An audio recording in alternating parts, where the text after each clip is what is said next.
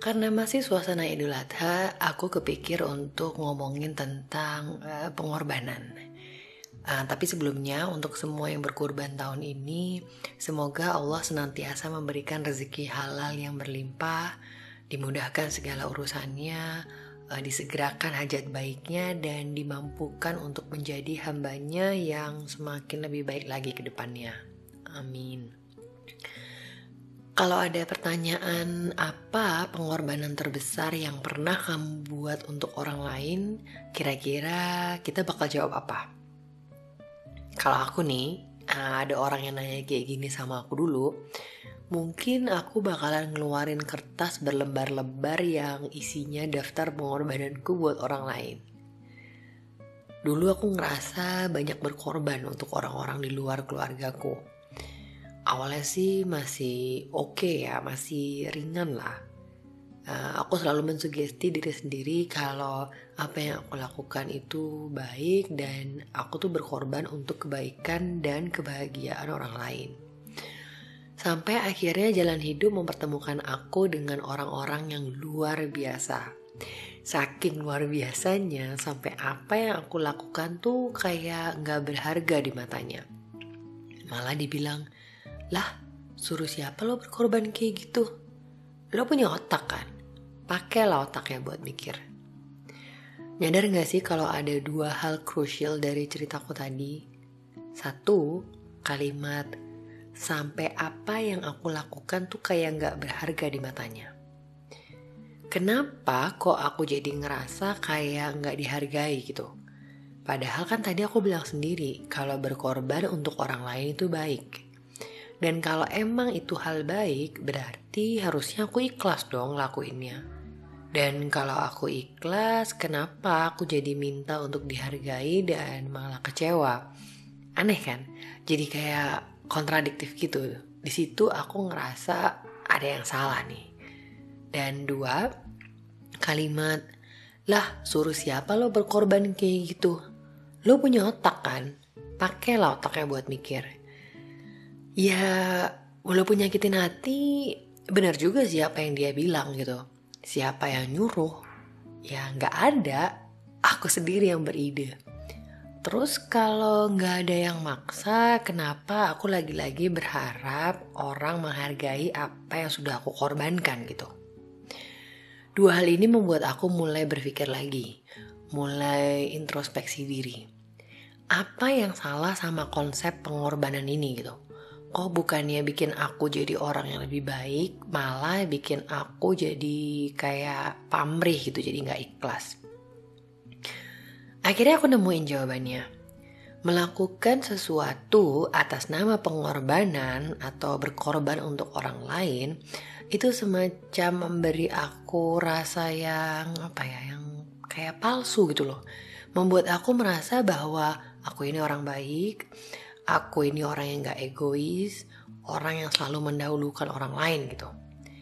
Berkorban buat aku merasa bahwa aku ini pantas untuk mengeluh ketika nanti orang lain gak menghargai apa yang aku sudah lakukan ke mereka gitu.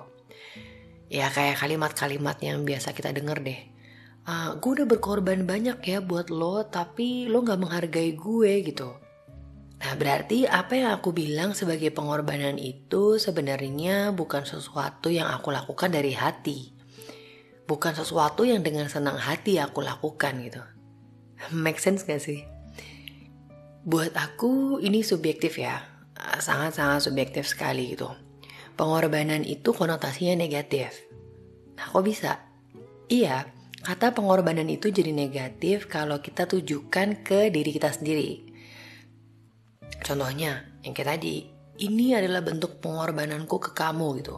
Aku berkorban untuk kebahagiaanmu, uh, atau aku berkorban untuk rumah tangga kita, atau aku berkorban untuk mimpi-mimpimu gitu.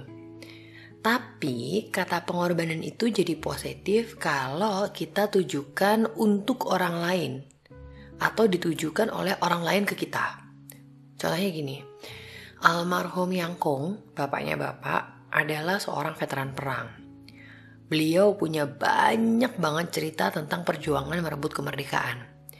Nah, dari sekian banyak cerita beliau, uh, ada satu kata yang sama sekali nggak pernah keluar dari mulut Yangkung.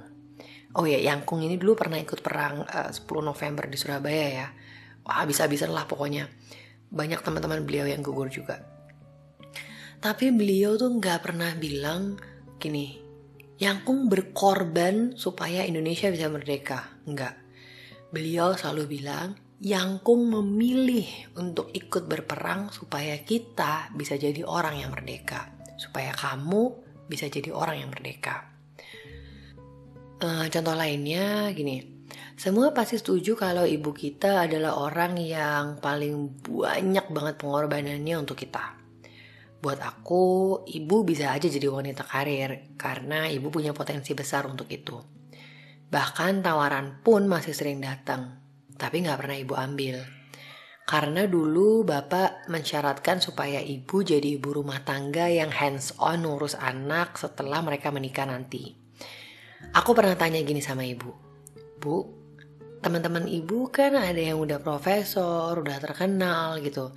Ibu nyesel nggak udah mengorbankan kesempatan untuk berkarir demi menjaga aku sama adik dan ngurusin bapak? Jawaban ibu bikin aku speechless. Ibu gak pernah ngerasa berkorban ya. Itu adalah pilihan hidup yang ibu pilih tanpa paksaan. Ibu bahagia dengan apa yang dijalani selama ini walaupun kadang memang ada yang gak sesuai dengan ekspektasi. Tapi karena itu pilihan hidup ibu, ya I have no one to blame or to complain.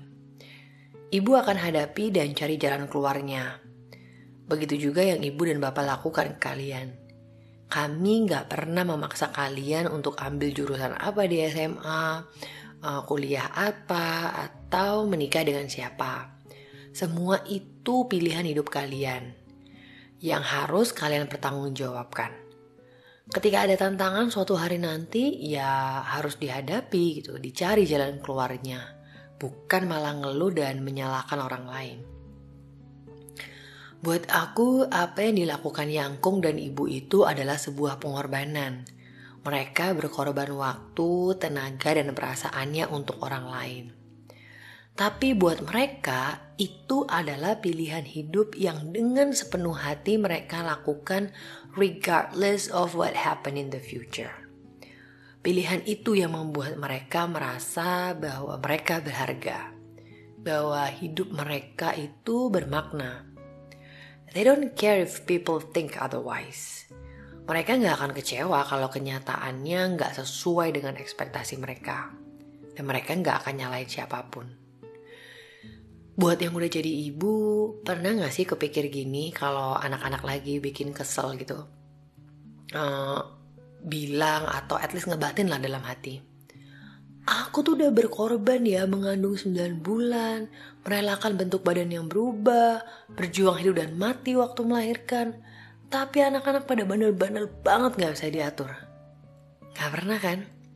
Padahal di mataku pengorbanan kalian itu luar biasa banget sebagai seorang ibu. When you make a sacrifice, you are forced to give up something. Skenario-nya selalu pilihan antara ini atau itu ya udah aku berkorban supaya ini, supaya itu. Dan pasti ada sedikit rasa kayak ketidakadilan gitu ya karena harus memilih tadi kan. Nah, rasa itulah yang nantinya akan menjadi uh, trigger untuk kita ngerasa apa yang kita lakukan itu sia-sia atau ngerasa kesel aja karena nggak dihargai sama orang lain. Well, what I'm trying to say is, Lakukan sesuatu karena itu memang pilihan hidup kita. Jangan lakukan sesuatu atas nama pengorbanan. Effort-effort bodoh yang dulu aku lakukan atas nama pengorbanan itu adalah pilihan hidupku yang tidak didasari oleh ilmu dan pengalaman. Makanya hasilnya adalah kebodohan. Semuanya berantakan dan aku babak belur. Ngerasa gak ada yang bisa menghargai aku dan banyak kecewanya.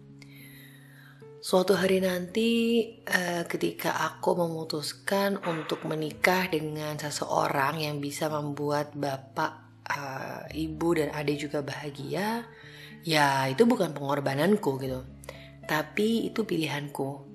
aku memilih untuk melibatkan kebahagiaan mereka juga, bukan hanya kebahagiaanku. Resikonya apa? Ya nggak semudah itu aku bisa dapat uh, pasangan hidup yang tepat. Tapi itu nggak jadi masalah buat aku. Aku nggak akan nyalahin uh, ibu, nggak akan nyalahin bapak atau nggak nyalahin adik karena ya itu adalah pilihan hidupku gitu ketika kita memutuskan untuk mendukung impian atau karir suami nantinya, itu bukan pengorbanan, tapi itu pilihan hidup kita. Kita memilih untuk menjadi support system suami karena kita tahu kecemerlangan dan kesuksesan suami itu juga untuk kebaikan keluarga kita. Ketika kita memutuskan untuk keluar dari pekerjaan kita dan menjadi ibu rumah tangga sepenuh waktu nantinya, itu bukan pengorbanan, tapi itu pilihan hidup kita. Kita memilih untuk merawat anak-anak sendiri, uh, melihat mereka tumbuh dan berkembang, memastikan mereka mendapat semua perhatian yang mereka butuhkan. Dan ketika memilih, jangan memilih pilihan yang bikin orang lain bahagia atau yang bikin kamu bahagia. Tapi pilihlah yang Allah ridho jadi ketika terjadi sesuatu dengan pilihan kita nantinya, insya Allah akan lebih mudah untuk mengikhlaskannya. Karena hati manusia bisa berubah-ubah. Tapi ketika kita melakukan semuanya untuk Allah, insya Allah akan Allah tetapkan hati kita untuk selalu merasa tenang dan bahagia. Jadi kalau pertanyaan tadi di awal ditanyain ke aku sekarang bakalan sulit buat aku jawab. Karena emang ya sebenarnya nggak ada pengorbanan. Aku nggak merasa pernah berkorban untuk orang lain. I've made no sacrifices. I've made life choices.